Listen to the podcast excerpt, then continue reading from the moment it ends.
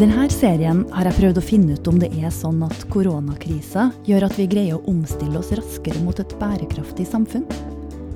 Alle dem jeg har snakka med, tror det i større eller mindre grad. Fra gjestene som har vært innom, så har vi fått høre at eh, flere og flere investorer stiller krav om bærekraft til selskap de skal investere i. At vi begynner å snakke om borgerlønn og en omstilling av arbeidslivet. At vi tror det blir færre jobbreiser og flere digitale møter. Det lages nye systemer for gjenbruk og for at vi skal produsere minst mulig søppel. Vi kommer til å bruke mer tid i nærmiljøet vårt, og kanskje sette mer pris på de små fellesskapene. Og at vi trolig kommer til å få høyere tillit til vitenskapen. Men alt henger sammen med alt, sa landsmoder Gro Harlem Brundtland. Og i København sitter det ei anna dame som akkurat som Gro har jobba med klima- og bærekraftspørsmål for FN. Og hun mener det, at alt henger sammen med alt, er det aller viktigste vi må tenke på nå. Hallo, hallo. Hallo. Catherine Richardson er professor i biologisk oseanografi og leder Sustainability Science Center ved Københavns universitet. Hun er en av 15 forskere som har skrevet utkastet til FNs Global Sustainable Development Report, og hun sitter i Klimarådet, ei ekspertgruppe som gir råd om klimaspørsmål til den danske regjeringa. Hei, Catherine. Hei. Nå har vi eh, kobla oss opp eh, via internett mellom Trondheim og København. Og så får vi håpe at uh, vår forbindelse holder seg godt gjennom det intervjuet vi skal ha nå. Ja, må det ikke gå. vi håper det. Pga. en ikke helt optimal linje til Danmark, og fordi Catherine snakker dansk, så kommer jeg til å snakke litt mer i denne episoden enn jeg har gjort i de andre. Catherine Richardson er et av de hotteste intervjuobjektene i Danmark for tida. I januar kom boka hennes 'Hvordan skaper vi bæredyktig utvikling for alle?' Og det hun skriver om der, ble plutselig enda mer aktuelt da koronaviruset kom skyllende over oss. Catherine jobber med klimaforskning og gir råd til regjeringa i klimaspørsmål. Men hun er opptatt av å formidle at utfordringa verden står overfor, er så mye større enn klimaproblemet. I virkeligheten er klima bare et spørsmål om vores avfall. Altså, vi kan ikke komme av med avfall. Vi har, vi har haft billeder av jorden fra rommet siden slutt øh, 60-tallene. Og, og vi kan se fra de billeder, at jorden har ingen navlestreng. Når vi har brugt jordens ressourcer, så får vi altså ikke flere. Og de billeder viser os også, at vi kan ikke rigtig komme af med vores affald. Vi tror, det er væk, fordi vi kan ikke se det længere, og det var præcis det, just præcis det, der skete med vores drivhusgasaffald. Men det er ikke væk. Det er i vores atmosfære, og det bidrager til at varme jorden op. Men drivhusgas er ikke vores eneste affaldsprodukt. Vi putter også plast i haverne, vi putter altså, pesticider på vores, vores øh, jord, vi putter reaktive kvælstof og fosfor, vi putter mange, mange kemikalier ud i verden. Og alle disse, altså alt det her affald kan komme tilbage og gøre vores livssted mindre egnet til vores samfund. Og det hun sier, er så enkelt og så logisk at jeg nesten blir flau på menneskehetens vegne. Klimaspørsmålet er bare et symptom på det virkelig store problemet, at vi driver rovdrift på naturressursene. Hvis alle skulle leve som en dansker i verden, så skulle man ha 4,2 jordkloder. Og det har vi jo ikke. Og det her har vi jo hørt før. I årevis. Hvorfor hører vi ikke etter? Med det ressursforbruket vi har nå, og alt avfallet det fører med seg, er det fare for at vi vil lide samme skjebne som bakterier i et laboratorium. Fordi hvis du tager en, øh, et bakterium eller et, et, et, producer, et lille organisme fra naturen og putter den i et lukket system, en kolber i, i laboratoriet, hvor du har en masse næringssalt og alle de ting, som, som den organisme har behov for. For det første vil det begynde at vokse meget, meget langsomt så begynder det at vokse super hurtigt. Faktisk viser, øh, siger kurven lige ud, ligesom menneskernes vækstkur gør. I kolber, det der lille bakterium, begynder til sidst at vokse lidt mere langsomt, fordi den løber tør for ressourcer, for noget at spise. Og til sidst går den til grund, fordi den bliver forgiftet i sit eget affald. Bakterien drukner til slut i sitt eget avfall. En ganske guffen sammenligning, men det er faktisk det vi mennesker risikerer, mener Catherine Richardson. Men vi kan lære av naturen hvordan vi skal unngå det. Det der lille organisme går kun til grund, når vi isolerer det og putter den i en kolber. Når det er inde i et økosystem, så går den altså ikke til grund, fordi der er andre organismer i det økosystem, der lærer at bruge dens affaldsprodukter og omdanne det til noget, som den kan bruge igen. Så, så vi må stræbe i vores samfund på at, at tænke som økosystemer og sørge for, at vi ikke producerer affald, og vi genbruger vores ressourcer, så vi ikke løber tør for dem. For i et økosystem henger alt sammen med alt. Catherine mener vi er nødt til å gå fra å tenke på hva som er bra for hver enkelt sektor, til å tenke på hva som er bra for hele systemet. Systemtenkning. Systemtænkning er der, hvor man ikke kun optimerer lige præcis det, man kigger på og arbejder med lige her, men hvor man siger på alle konsekvenser. Vi har en tendens til at sige, at primitive samfund, de levede i harmoni med naturen. Det gjorde de ikke. De brugte naturen så meget, som de, som de synes, de fik glæde af. Men de levede så tæt på de konsekvenser af det, de gjorde ved naturen, at de var nødt til at tage højde for de konsekvenser. Var de ved at løbe tør for, for vildt, så måtte de lave nogle regler for, hvordan man, man brugte vildt. Var de ved at blive syg af forurenet vand, så var de nødt til at lave nogle regler for ikke, at, at deres kropslige affaldsprodukter endte i vandet. Så de levede meget tæt på altså de konsekvenser, som deres påvirkning af jorden havde. Nu lever vi i et globalt marked, globalt samfund. Vi kan ikke se det lille barn i Bangladesh, der syr vores tøj. Vi kan ikke se det biodiversitet i Sydamerika, der bliver fortrængt, så vi kan have søje til at fodre vores gris her i Danmark. Så vi har en tendens til at glemme alle de interaktioner, alle de påvirkninger, vi har på, på jorden omkring os. Og at systemtænkning kræver, at man også tager højde for konsekvenserne hele vejen rundt. Vi må altså greie å se konsekvensene for naturen på hele kloden av alt vi gjør. Og der har vi en lang vei å gå. Ifølge Catherine Richardson gjør politikere i dag mange ting som er helt ulogisk. Vi, vi betaler en landmand for at dyrke sukkerroer. Hvorefter vi beskatter sukker, fordi det er dyrt for samfundet, at mennesker spiser for meget, for meget sukker. Eller vi tager til Paris og aftaler, at nu vil vi, nu vil vi øh, altså afskaffe brug af fossile brændsler, hvor efter vi betaler enorm subsidie til brug af fossile brændsler jorden rundt. Når Catherine snakker om Parisavtalen og at land forplikter seg til kutt i klimautslipp, og samtidig gir store subsidier til oljenæringa, så føler jeg meg som nordmann umiddelbart truffet. For her har vi jo akkurat vært gjennom en stor diskusjon da koronakrisepakkene skulle deles ut. Stortinget endte med å gi 100 milliarder kroner til oljenæringa. Det politiske flertallet mente gevinsten ved å redde arbeidsplasser er større enn risikoen ved å sprøyte penger inn i en bransje som alle vet skal fases ut. Her i Danmark har vi en litt annen tilgang til det her med korona og økonomien. Fordi jeg tror at de fleste politikere i Danmark har innsett at vi har, vi har ikke råd til at betale for, for økonomien opp og stå, som den var, og så bagefter betale endnu en gang for at transformere den til at være klimavenlig. Og de investeringer, som skal laves nu for at få økonomien i gang, skal, skal egentlig være grønne investeringer.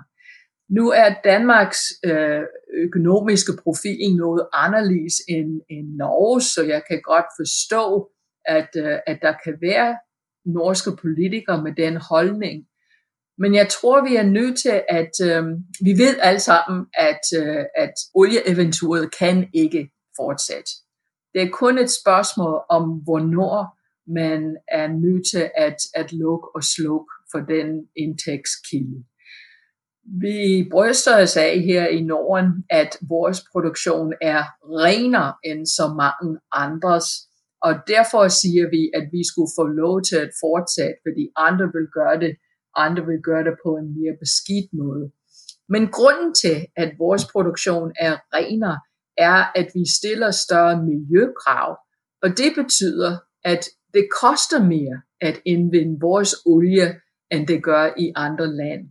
Og så er spørgsmålet, når, når prisen er lav, og når vi ved, at vi har andre, når vi har andre øh, lande statsstøttet olieselskab eller statsejet olieselskab, især i, i Mellemøsten, som vi ikke vil være, kunne konkurrere med i det lange løb, så tror jeg, at man skal tænke sig vældig godt om, før man investerer mygge, mygge mange penge i at, at bare bringe det gamle tilbage, som er meget afhængig af en, øh, et erhverv, som, som vi ved, at, at tiden altså, render ud for.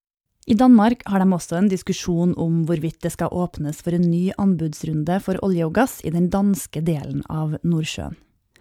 Klimarådet har anbefalt å droppe flere sånne anbudsrunder, både av økonomiske grunner og etiske.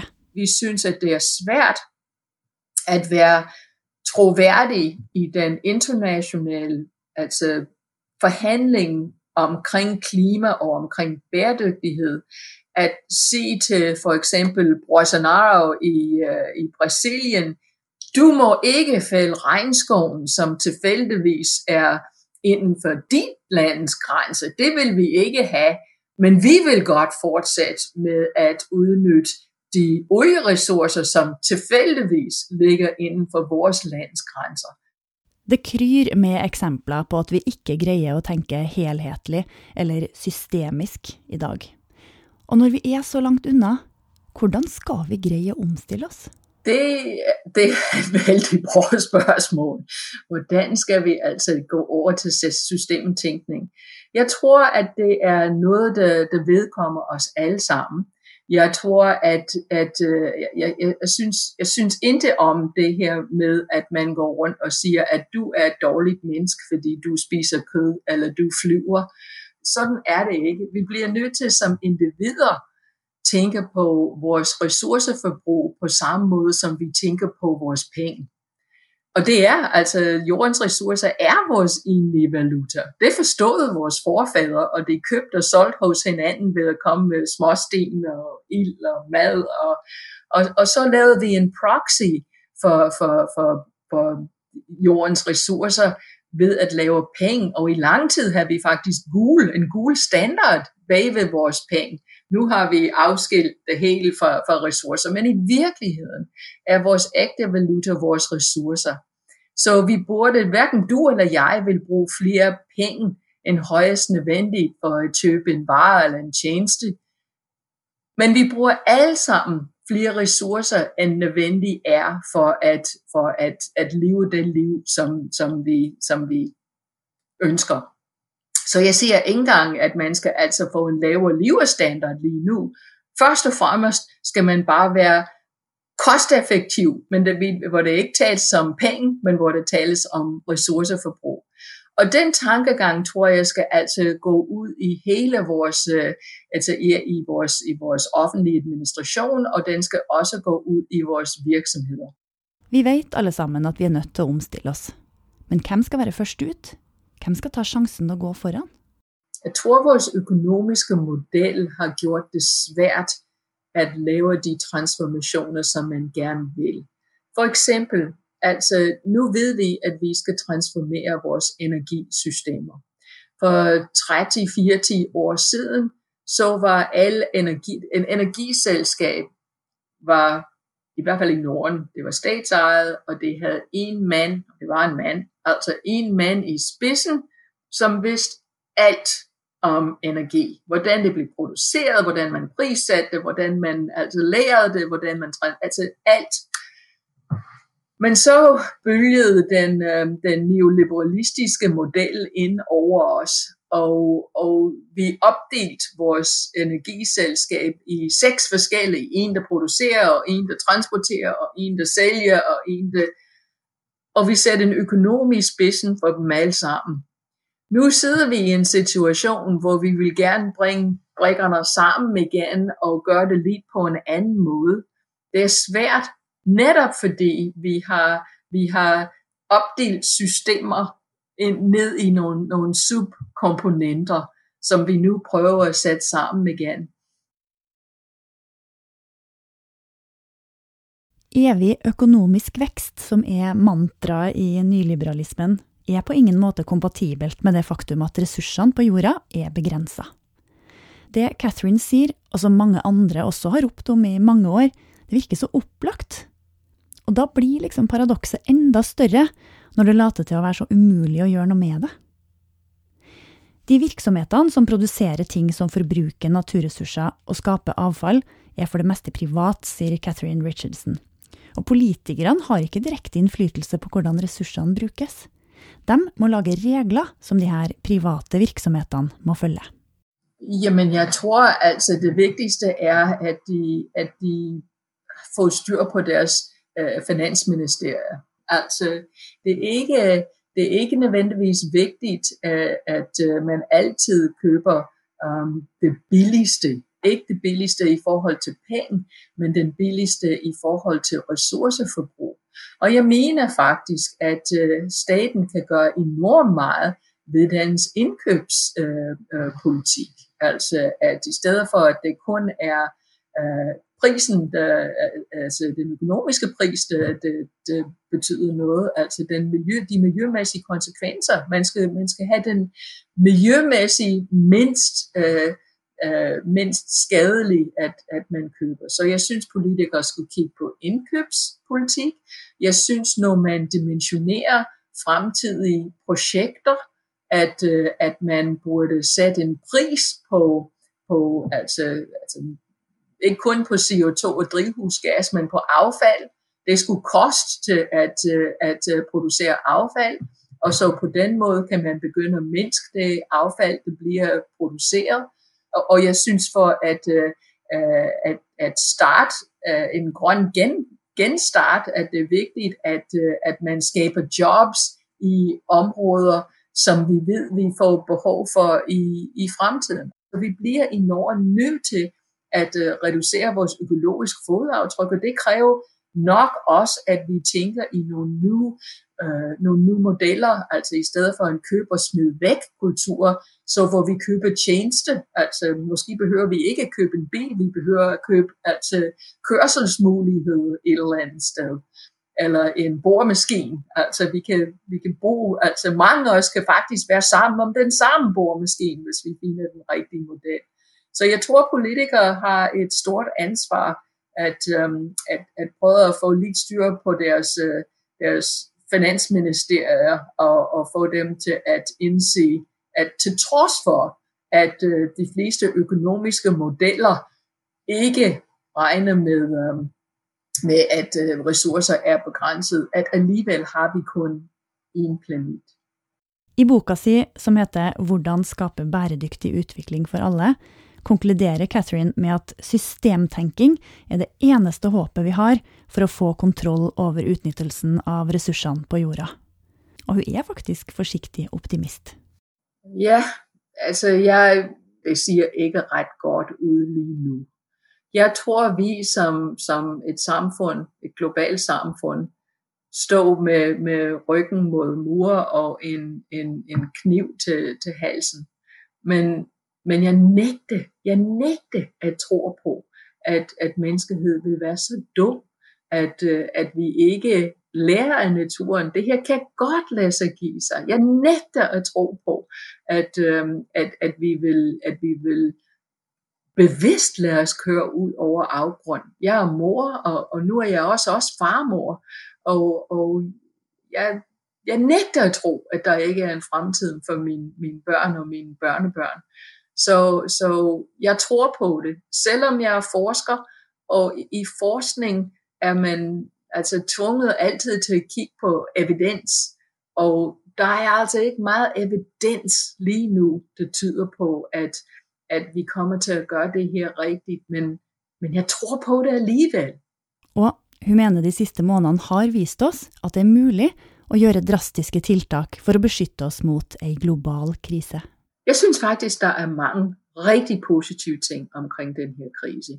Det første er, at vi har i mange år nu hørt fra politikere, at det var umuligt at gøre noget omkring klimakrisen, fordi det vil altså have så store konsekvenser for økonomien og for samfundet. I det lange løb er klimakrisen langt, langt mere alvorlig og mere trydende for, for menneskeheden end coronakrisen. Alligevel har vi set, at det var muligt for, for samfund at gå ned på knæ fra en dag til den næste i forhold til coronakrisen. Så den undskyldning, vi har hidtil haft, uh, det kan vi ikke, fordi den er, den er der altså ikke længere. Men så har vi også set uh, en meget stor ændring i menneskeheds adfærd. Og jeg tror ikke, jeg håber ikke, vi går tilbage til normal. Jeg tror, det bliver mindre forretningsrejser. Jeg tror, der bliver en, en bedre arbejds øh, kultur, hvor vi arbejder mere hjemme og, og bruger de digitale muligheder her, med gode konsekvenser for ressourceforbrug som, som følger. Så jeg, jeg tror, og jeg tror også, at, øh, at øhm, der har været meget mindre forbrug. Altså folk har fundet ud af, at de kan klare sig med meget mindre. Det er ikke nødvendigt at gå ned til, til shoppingcenter for at underholde sig om lørdagen. Der, der, der, der er mange andre ting, man kan gøre, end bare at købe ind så, eller at, øh, at, at shoppe. Så jeg, jeg, jeg tror og håber på, at, at vi ikke går tilbage til, til normalt og en ting i natur, jeg er naturvidenskabsmand, jeg arbejder meget med klima og, og også med, med tipping points i det natur, i det naturvidenskab, der med, hvornår smelter isen og på Grønland osv. osv. Men vi glemmer, at der er også tipping points i menneskelige, sociale systemer. Det er ikke kun natur videnskabelige systemer, at du siger tipping points. Du så en tipping point dengang man gik fra at bruge hestevogn til at bruge, bruge bil, dengang man, man indførte sikkerhedssel i bilen, altså dengang man, øh, det blev socialt uacceptabelt at uh, ryge. Så, så der er tipping points i, i, i samfundet. Og jeg, i min mest optimistiske øjeblikke, så vælger jeg at tro, at vi lever i en tid, hvor der er en tipping point undervejs i forhold til, hvordan vi mennesker betragter vores, vores rolle og vores ansvar i forhold til, til, til resten af verden og, og verdens ressourcer. Hmm. Vi får håpe du har rett, Catherine Richardson, eh, professor ved Københavns universitet. Tusen takk for at vi fikk låne litt av tida di her i podkasten På den andre siden. Selv takk.